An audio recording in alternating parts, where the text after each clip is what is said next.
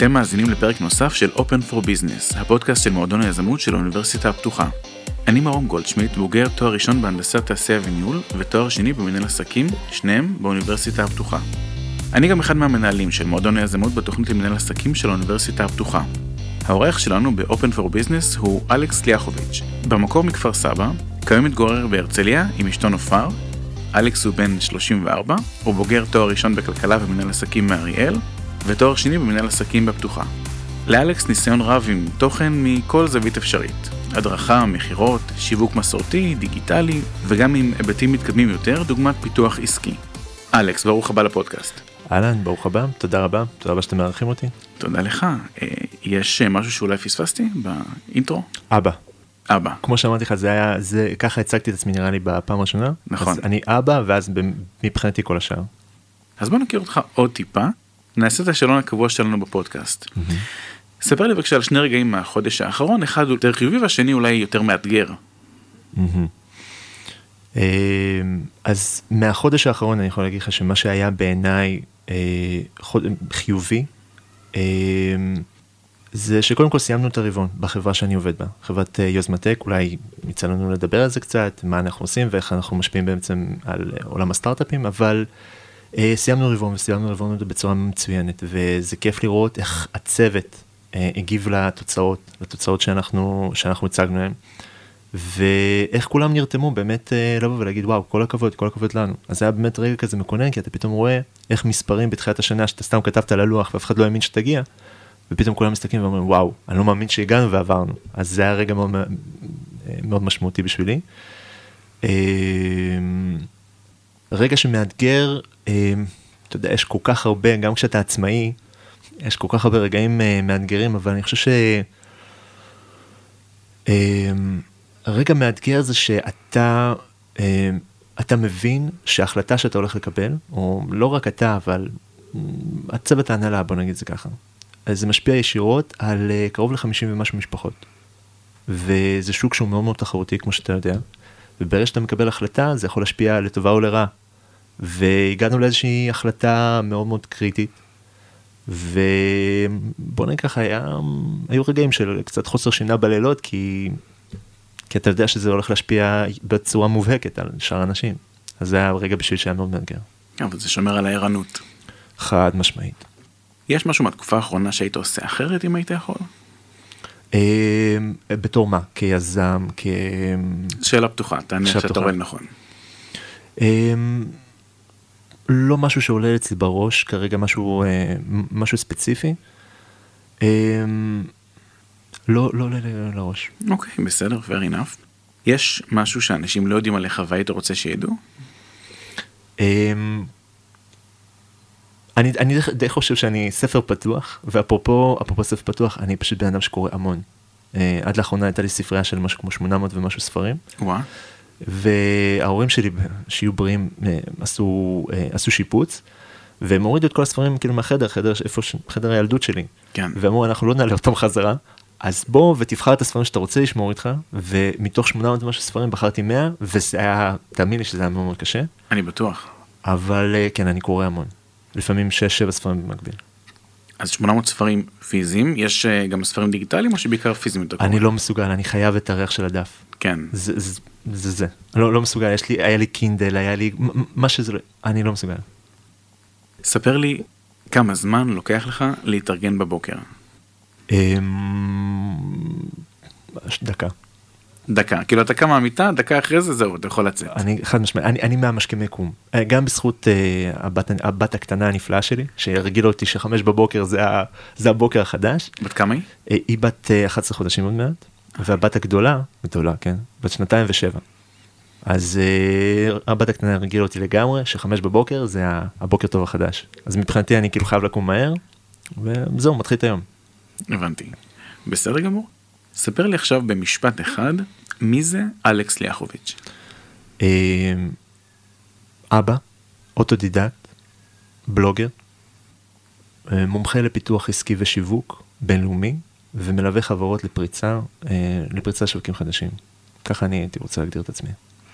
אחלה אלכס, תודה על התשובות. בוא נדבר טיפה על העיסוקים הנוכחיים שלך.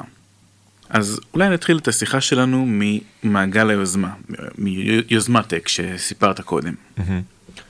אמ, אז קודם כל יוזמטק בוא, בוא נעשה את הקונטקסט, או שיש לך שאלה על זה. השאלה היא מה זה, איך הגעת לזה. מה אתה יכול לספר על זה? מעולה.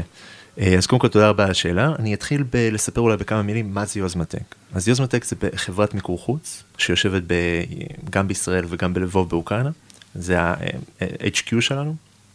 המטה. המטה, המטה, HQ, Headquarters. Yes. וכל המטרה שלה, אנחנו אה, מספקים כוח אדם סופר איכותי, טכנולוגי, להרבה מאוד חברות וחברות, בין אם זה חברות מבוססות או סטארט-אפים, חברות הזנק אה, בישראל ובעולם, כאשר השוק, אה, בוא נגיד ככה, רוב הלקוחות שלנו כרגע מגיעים, בערך 60 ומשהו אחוז מגיעים מישראל, ו- ושאר העולם, ממש מארצות הברית, מאירופה הרבה מאוד לקוחות. ובשורה אה, התחתונה, מה שאנחנו עושים, אנחנו באים ואומרים ככה, יש, אתה עכשיו חברת אה, סטארט-אפ, אתה צריך מפתח.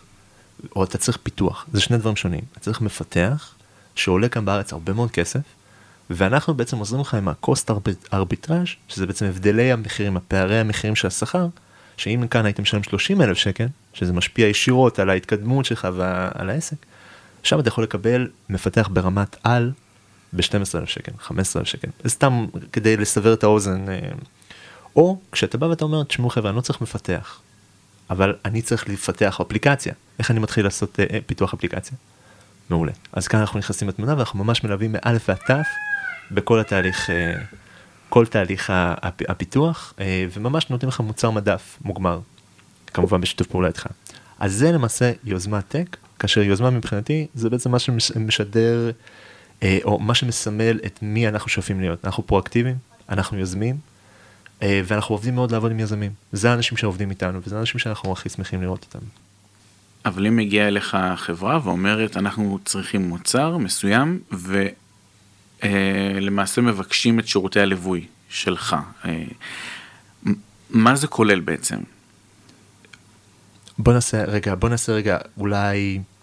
לא, לא שלך באופן אישי, אלא של החברה. לא, לא, ברור, הבנתי. כן.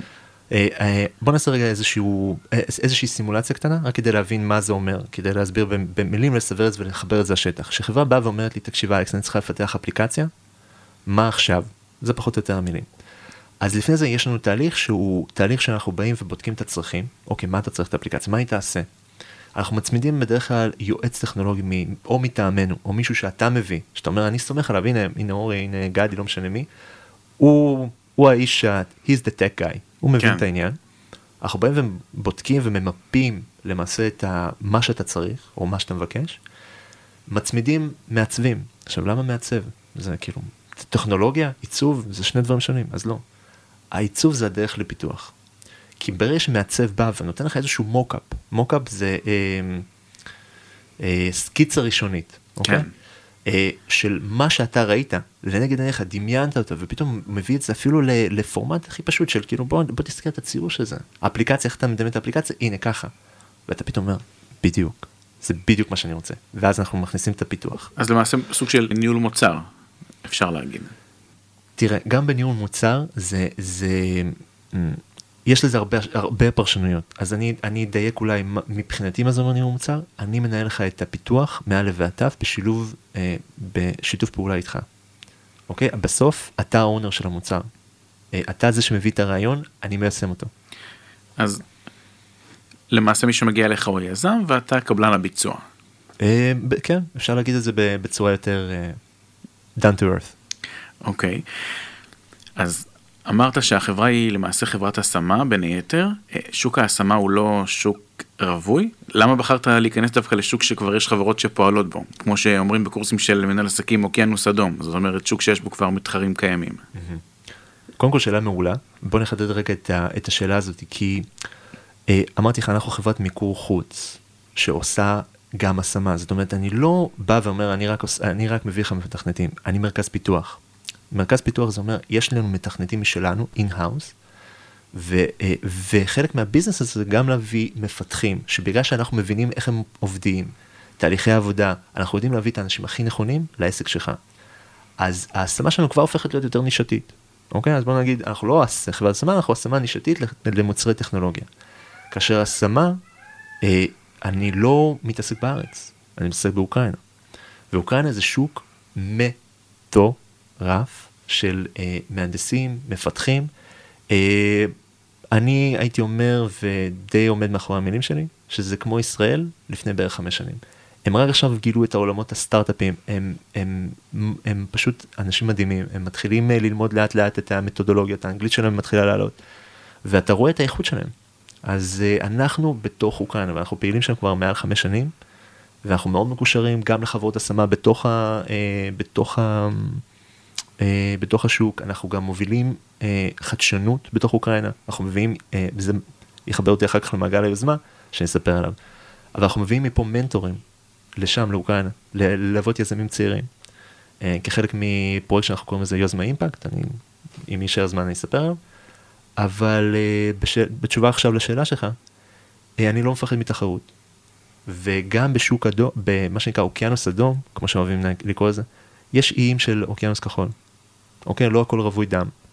והשוני הוא שאתה צריך לבוא עם משהו שונה. כי אם אתה more of the same, אז כן, אין לך שום edge. אבל ברגע שאתה בא עם edge זה יתרון, ברגע שאתה בא עם יתרון בצורות של כישורים מסוימים שאין לאחרים, בצורה של קהילה שאתה בנית ואין את זה לאחרים, בצורה של trust, אמון שאתה השגת מדרך לקוחות שעשית להם delivery כבר, כלומר, delivery הבאת להם את המוצר שלהם. אה, זה שם אותך על המפה אחרת לגמרי. מעניין מאוד. איך הגעת לזה, לשוק הספציפי הזה? לגמרי במקרה. כמו כל הדברים הטובים בחיים. כמו כל הדברים, לגמרי. אה, ממש בקצרה, אה, אני באמת יצאתי לעצמאות לפני לא הרבה, לא הרבה זמן, בשלי 2019.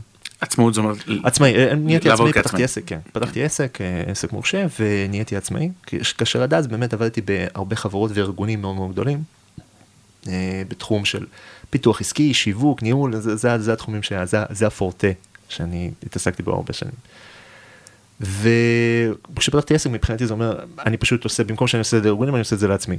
כאילו, ואז באמת ליוויתי הרבה חברות גדולות וחברות קטנות ויזמים, ונתקעתי ביזם מטורף בעיניי, אה, קוראים לו רומן טימשפולסקי. בהצלחה לך עם השם המשפחה שלו כמו שם המשפחה שלי. אבל הצלחתי עם שלך. אחי, אתה וואו, כאילו אתה באמת כבוד. אה, אשתי המסכנה, היא הייתה כהן לפני.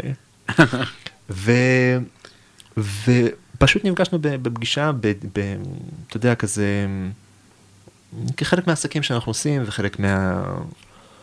ואפילו לא, הוא לא הציע לי שום דבר, אלא פשוט ממש התחלנו תהליך של חברות ומה קורה, ואני אני, אה, אה, הכרתי לו כל מיני לקוחות שאני ליוויתי אותם כשהיו צריכים פיתוח, וראיתי את הדליברי שלהם, שוב פעם, מילת המפתח פה היא דליברי, זאת אומרת, כמה אתה, מה שהבטחת זה מה שאתה מקיים, זה הדליברי מבחינתי. וראיתי שזה ברמה מאוד גבוהה, הבאתי לו משהו כמו, הבאתי אז בזמנו כמה וכמה לקוחות, והוא בא ואמר לי, אלכס, תקשיב, יש פה הזדמנות, אני יודע שאתה מחפש מינוף, כי אתה נמצא עכשיו בשלב, לא משנה איך תסתכל על זה, הייתי לבד.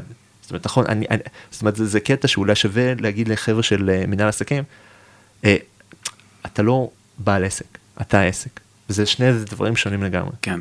וכשהגיעה הקורונה, פתאום אתה מבין שאתה העסק, ועכשיו שהכל מסביבך באי ודאות מוחלטת, פתאום אתה צריך לבוא ולקבל החלטות, וזה נקרא פיבוט בשפת הסטארט-אפים, לעשות מסלול, חישוב מסלול מחדש. ועשיתי חישוב מסלול מחדש וזיהיתי כאן הזדמנות ו... ולמזלי גם רומא, גם הוא היה באותה תקופה שהוא גם חיפש איזושהי הזדמנות כזו או אחרת והתחלנו פשוט לעבוד ביחד וראינו שיש סינרגיה מדהימה והנה אנחנו כבר עובדים מעל שנה, שנה ו... אז אני בעצם מתפקד כסמנכ"ל השיווק והמכירות ו...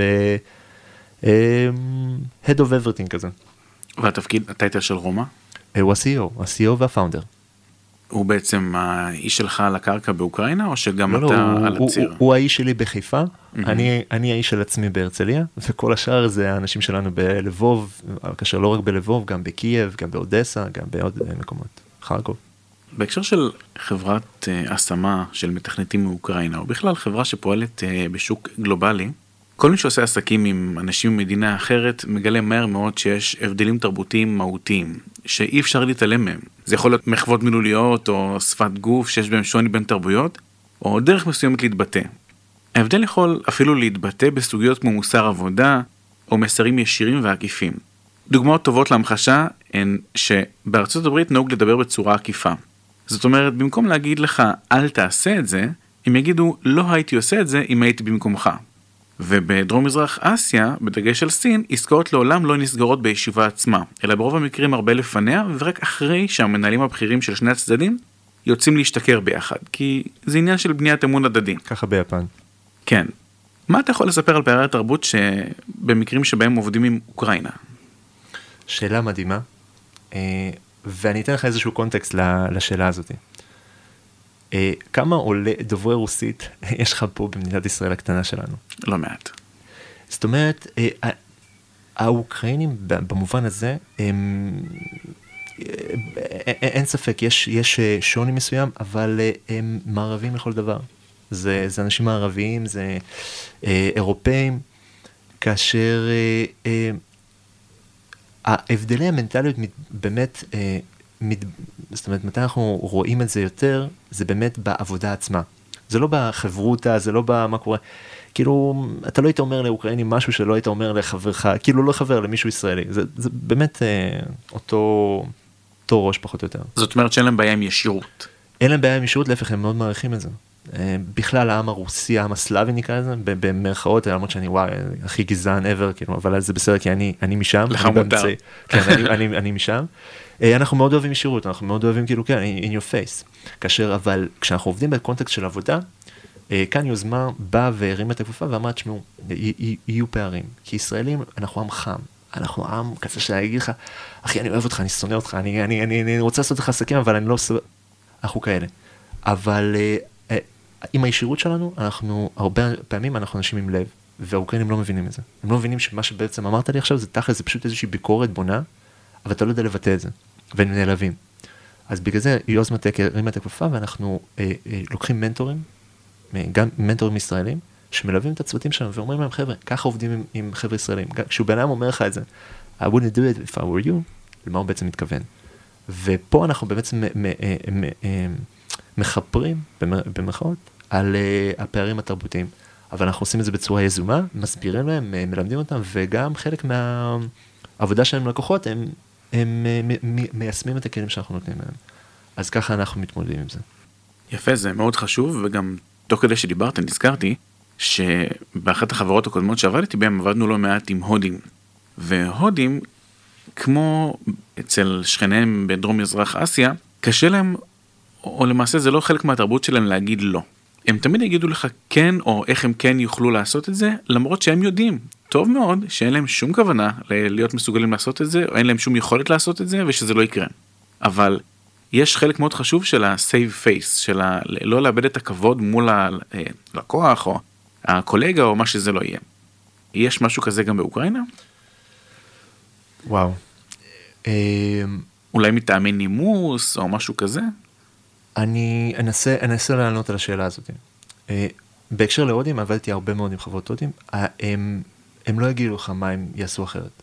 זה, זה, זה, זה כאילו, זה רגע שאתה צריך רגע אולי, אני, אני הייתי מדגיש אותו, כי עבדתי באמת עם עשרות ועשרות רבות של פרילנסרים וגם חברות שלקחנו uh, צוותי פיתוח. הם לא יגידו לך מה אנחנו עושים, זאת אומרת, יש uh, לפעמים רגעים של אפילו דממה, שאתה לא שומע מהם, ואתה אומר, הם עובדים, אבל בסוף הם חזרו, uh, sorry sir, we didn't do it.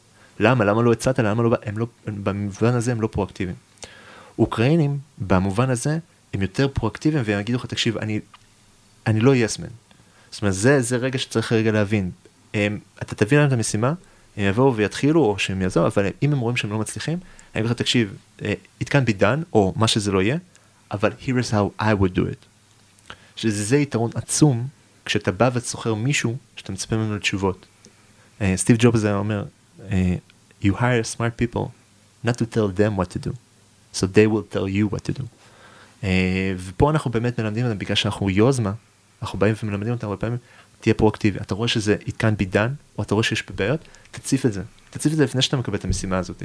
כי אז יהיה פה דיסוננס בינך לבין הלקוח, והוא יגיד, מה, למה לא אמרת לי את זה?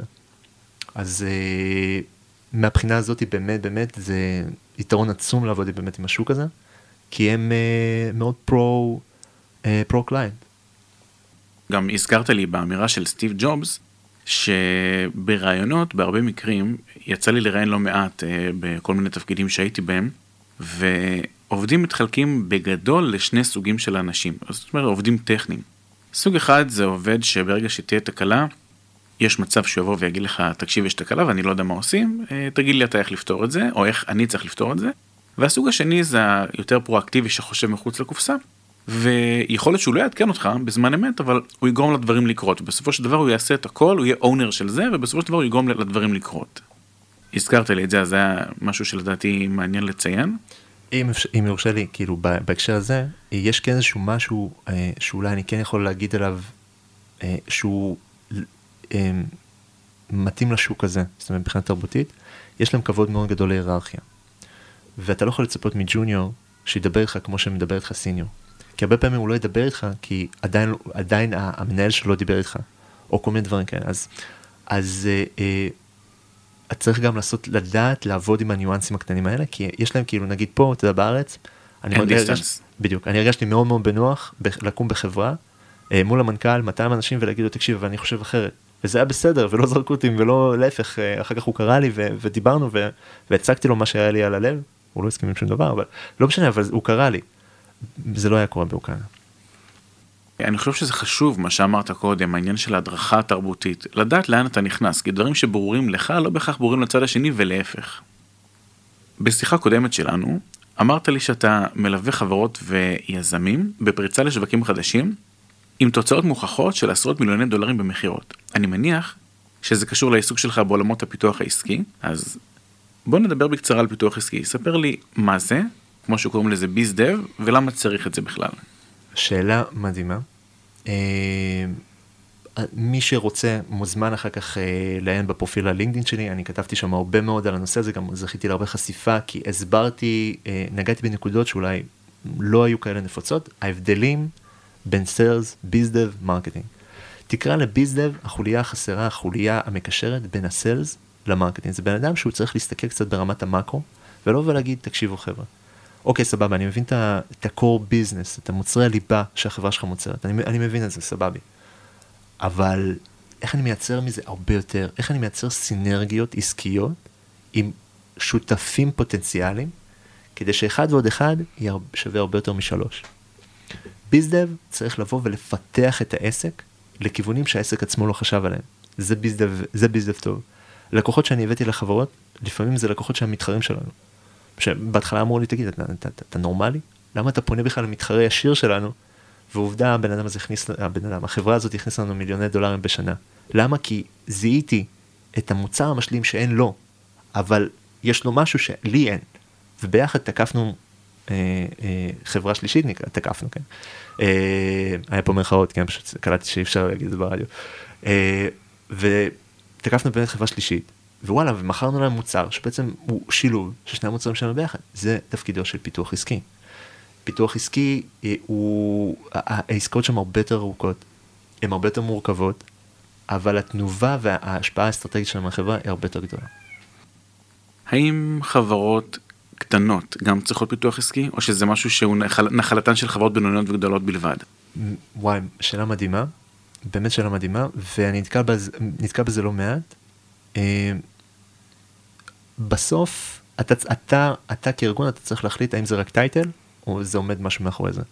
ההבדל בין חברות קטנות לגדולות, זה חברות הגדולות זה שאיש פיתוח עסקי, לרוב יש רק אחד או שתיים במקסימום, שהם באמת עושים את הפיתוח העסקי החברתי, כי הם מצופה מהם להביא תוצאות לאורך זמן מאוד מאוד ארוך, הם, הם מבינים שזה לוקח uh, זמן. בעוד חברות קטנות זה פיתוח עסקי ומכירות. זאת אומרת, הוא אומרים לו, תקשיב, בוא תפתח את העסק, אבל תן לי מכירות.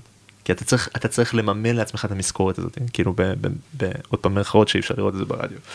אז אה, זה לא נחלת החברות הגדולות, ארגונים גדולים, איש ביזנר הוא, הוא נחוץ בכל ארגון בעיניי, כאשר הפונקציה שלו, או נקרא לזה החוק, הפרטו שלו, ה-80-20 אה, שכולם מדברים, אה, צריך להיות איפה שהחברה צריכה אותו כרגע. כי אם עכשיו אני ארגון קטן ואני צריך מכירות, אין לי זמן עכשיו לעוד עסקה שתבוא עוד שנה, אני צריך עכשיו. אבל בגלל שאנחנו בשוק כל כך דינמי, אני צריך בן אדם שיבין מה קורה, מה, מה, מה המהלך הבא, מה השלב הבא, מה החברה הבאה שאנחנו הולכים להבין. אז זה, זה, ככה אני הייתי מנסח את זה.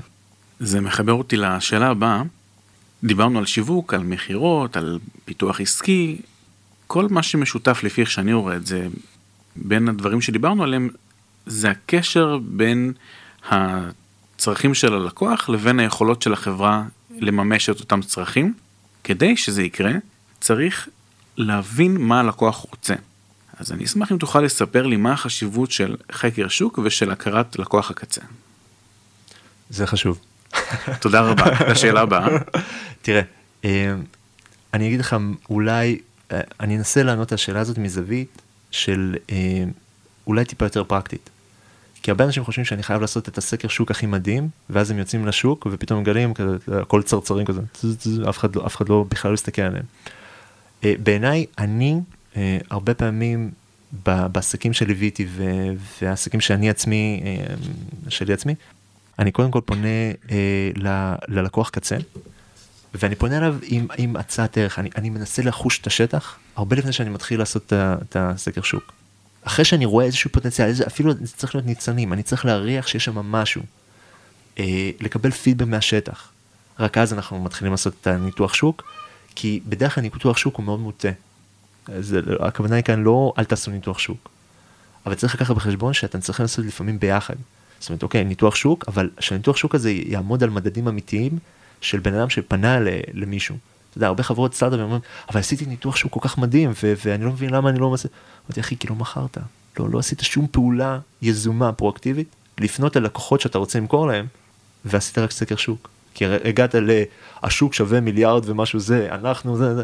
אבל הנה, נראה לי סיפרתי לך כשדיברנו בטלפון אמרתי לך חסכתי עשרות אלפי דולרים בקמפיין לידין לאחת החברות רק בזה ששלחתי פשוט סרטח, כמה מיילים כאילו של זה שלקוחות אמרו מה אתה, מה אתה גנוב אתה מציע לי, אתה מציע לי מוצר של 2015 לשוק של 2017. תספר על הסיפור הזה האמת זה סיפור מעניין ששווה לציין. אה, בשמחה, אה, אני לא רוצה לנקוב שמות כי דברים כן. כאלה, אבל uh, הסיטואציה הייתה שאנחנו עמדנו בפני קמפיין uh, של uh, מוצר שפותח בתוך החברה, שמציע לבעלי אתרים להטמיע איזשהו מוצר נוסף, כי אם אני אגיד את השם המוצר זה כבר די ברור. כן. ו... ובאמת כל המחלקת השיווק התחילה לעבוד על הבאנרים והתחילה לעשות הרבה מאוד אה, אה, רעש אה, מסביב כדי שבאמת לה, לה, להתניע את הקמפיין הזה בלינקדאין. מי שלא יודע, קמפיין בלינקדאין, העלות הקליק היא מאוד מאוד גבוהה. קליק יכול לעלות על דולר, שתי דולר ואפילו יותר, כי הוא מיועד לחברות, חברות קונות מחברות בלינקדאין. וזאת אומרת, זה סדר גודל של עשרות אלפי דולרים, שבאתי ואמרתי להם, חבר'ה, תקשיבו, לפני שאתם שולחים את המייל הזה, ש... או את הקמפיין הזה, שפשוט לא נראה לי, פשוט לא נראה לי משהו נכון שם. אנחנו עדיין, כאילו, אתה, אתה כזה יורה באפלה. תן לי לעשות איזשהו סקר שהוא קטנטן, יש לי כבר אנשים שאני מחובר אליהם, ופניתי אליהם פשוט. ו, וכמו שאמרת if I were you, החבר'ה האמריקאים, ובאתי ואמרתי להם, תקשיב, אני לא רוצה למכור לך, אבל אני צריך את הדעה שלך. וזה זה, זה היה הדרך שלי, אה, מה שנקרא, אה, להוריד חסמים של מכירות, כי באתי ואמרתי, אחי, אני צריך להתייעץ איתך. למרות שהוא או מתחרה או איזשהו ארגון גדול, והם שמחו, כי אתה בא ואומר, וואלה, הוא לא מנסה למכור לי משהו. והצגתי לו את זה, ואז הוא אמר, תקשיב, הארגון שלי בחיים לא ישתמש בזה, כי אנחנו משתמשים ב-X או מוצר תחליפי, פי מה שזה לא יהיה, יותר זול ויותר רווחי, או XYZ, זה לא משנה. וכשחזרתי לסמנכ"ל השיווק, ואמרתי לו, תראה, זה המידע שקיבלתי, הוא כזה אמר, בהתחלה זה לא יכול להיות, זה לא יכול להיות, אמרתי לו, תקשיב, זה מה שקיבלתי, לפחות בוא נבדוק את זה עוד פעם, בוא, בוא נעשה עוד, בוא, יש לנו אנשי סיילס, בוא ניתן להם לשלוח את זה לפני שאתה עושה קמפיין, בוא נשמע רק מה הם אומרים לנו לפני. והם אמרו בדיוק אותו דבר. זה רק מוכיח את החשיבות של חקר שוק ולהכיר את הלקוח. מעולה. בדקה שתיים שנשארו לנו אולי נדבר בכמה מילים על היוטיוב של פינת הזרקור של מעגל היוזמה ועל האתר של מובילי הייטק. פצצה. אז מעגל הייטק זה קהילה, קהילה של מובילי הייטק בישראל. אנחנו מכוונים ל-C-Level, אנשים שהם decision makers בארגון שלהם. שכל המטרה היא להביא אותם לאיזושהי community אה, אה, אחד שיכול לעזור ליזמים בתחילת דרכם, או אפילו, אתה יודע מה, יזמים שהם מאוד מאוד מנוסים, אבל הם צריכים את ה extra mile הזה של מישהו שיכול לעזור להם ולהגיד להם, תקשיב, אני הייתי שם, זה מה שעשיתי, או... ו, וחלק מה... אה, זאת אומרת, זה התרומה שלהם, זה התרומה של הניסיון שלהם, ואנחנו מחזירים את זה ב, פשוט ב, בזה שאנחנו מראים אהבה, showing some love, אנחנו אה, אה, מקשרים בין הרבה מאוד הזדמנויות. זו קהילה שכבר מונה 70-80 אנשים, אבל יש בניוזלטר כבר קרוב ל-400-500 אנשים, 450 ושלא. ואנחנו יוצאים שם הזדמנויות, משקיעים שמחפשים אה, להשקיע בסטארט-אפ שמחפשים משקיעים. וכל המעגל הזה גם נבנה כחלק מהאסטרטגיה של להביא אותם גם לאוקראינה. כי פה בישראל אנחנו עלינו על דבר מאוד יפה. פה בישראל תזרוק עכשיו אבן בתל אביב, אתה תפגע במנטור. אוקיי? אין ספק. כל אחד במנטור. באוקראינה אין דבר כזה, הם לא מבינים את זה, הם כאילו אומרים, שמע, אם אתה בא אליי ואתה מסביר לי, אני אקשיב לך, כי אין לי, אין לי, אין לי עם מי להתייעץ. פה יש לך כל כך הרבה אקסלרטור, כל כך הרבה אנשים שמכרו, שמבינים את העניין, שם אין את זה. בגלל זה שאנחנו הבאנו אנשים שירצו בפני היזמים אוקראינים, ואפילו אה, חבר'ה מהחברה שלנו, אנשים התמוגגו, אמרו, וואו, כמה ידע, אני כאילו, אני בשוק. אני בשוק ש... כי הם אומרים, אני בשוק שאתה נותן את זה בחינם, כערך מוסף, כי אנחנו רגילים לשלם על זה הרבה מאוד כסף. פינת הזרקור של מעגל היוזמה זה, זה ערוץ יוטיוב שמאפשר לאנשים לדבר בכמה דקות על העשייה שלהם ולחבר לאותו מעגל חברתי שסיפרת עליו. אה, בין היתר, בין היתר, כי הערוץ היוטיוב קוראים לזה יוזמטק. פשוט אה, ערוץ שבו אנחנו מראיינים, יש ראיון עם בן אדם שאנחנו באים ומזהים שהוא, תשמע, יש לו המון ידע, ואז אנחנו מכינים שאלות, ממש כמו שעשית בצורה מדהימה לפ, אה, לפניי, שאלות שמעניינות, אנשים ש, שאלות שעולות מהשטח, ואנחנו שואלים את הבן אדם. ופינת הזרקור זה פינה שאנחנו באים ואומרים, תשמעו חבר'ה, תכירו, זה הבן אדם, זה מרום, זה, זה הבחור, זה מה שהוא עושה. הנה שבע שאלות מאוד פשוטות, שקשורות לעולם הביזנס, לעולם התוכן שלו. ואנחנו מפיצים את זה באמת, אה, תסתכל רק על היוטיוב, על כמות הקומנטים, ו... ויוצרים משם גם עסקאות, ואנחנו לא מבקשים לא שקל, לא אגורה, אנחנו לא, לא, לא מעניין אותנו הפרו בונו, הדברים כאלה, כי אה, אה, כמו שאמרתי לך, אני מאוד מאמין במשפט, צריך לחלק לפני שאתה מכפיל. זה בדיוק מה שבאתי להגיד. זה, זה הזכיר לי אחד לאחד את האמירה הזאת שאמרתי לי בשיחה מקדימה. אמרתי שזאת אמרה של אבא שלך, וזה מתחבר ממש טוב להקשר של נטוורקינג. אז לחלק לפני שאתה מכפיל, בוא תסביר בעוד כמה מילים מה זה. אה, בסוף אני בא ואני מסתכל ואני אומר, הדרך שלי, אוקיי? אה, איך אני רוצה לייצר לעצמי שפע? זה רק בזה שאני מייצר לך שפע. אם אני אעזור לך להגיע למה שאתה רוצה בחיים, תאמין שאני אצליח להגיע ליעדים שלי. ולחלק, זה אומר, אתה צריך לחלק מהשפע הזה. אתה צריך לבוא ולעזור לבן אדם אחר להגיע ליעדים שלו, או להגיע למטרות שלו, לא, לא משנה, אפשר לקרוא לזה באיזה, אתה יודע, באיזה ניו אייג'י כזה, מה שזה לא יהיה, אבל בסוף, אה, שואלים, שואלים אותי כבר, אני לא יודע, רק בשבוע האחרון שאלו אותי ארבע פעמים, מה, ואתה לא מבקש איזה כסף? שהכרתי להם אנשים שהם חיפשו כי אחת חיפשה עבודה ומצאתי לה מישהו שכאילו שבדיוק מחפש את הפוזיציה הזאת. אחד חיפש משקיע והם אמרו מה אתה לא מבקש איזה כסף? אמרתי לו אחי. שלח לחמך אתה מכיר את המשפט? בדיוק באתי להגיד אותו גם כן אומרים great minds think alike. בסדר זה ברור בגלל זה הזמנת אותי. טוב, אני חושב שזאת אה, אחלה נקודה לסיים בה את הפרק. אלכס, המון המון תודה, היה לי ממש כיף להכיר ולארח אותך פה. תודה רבה, אני בטוח שזה עוד ימשיך לדברים אה, מרתקים אחרים. אתה יודע, פינת הזרקור תמיד אה, פתוחה לעוד אנשים מוכשרים. אשמח, אחלה, תודה רבה אלכס. מה חשבתם על הפרק עם אלכס? מה הייתם מוסיפים, משנים? יש לכם עוד שאלות לשאול אותו? ספרו לנו בקבוצת הפייסבוק שלנו, מועדון היזמות של האוניברסיטה הפתוחה, הקבוצה. לינק לקבוצה נמצא בתיאור הפרק. אתם האזנתם לפרק נוסף של Open for Business. הפרק הוקלט באולפני האוניברסיטה הפתוחה בכפר הירוק. על הסאונד, אורי דגני. תודה, ונשתמע בפרק הבא.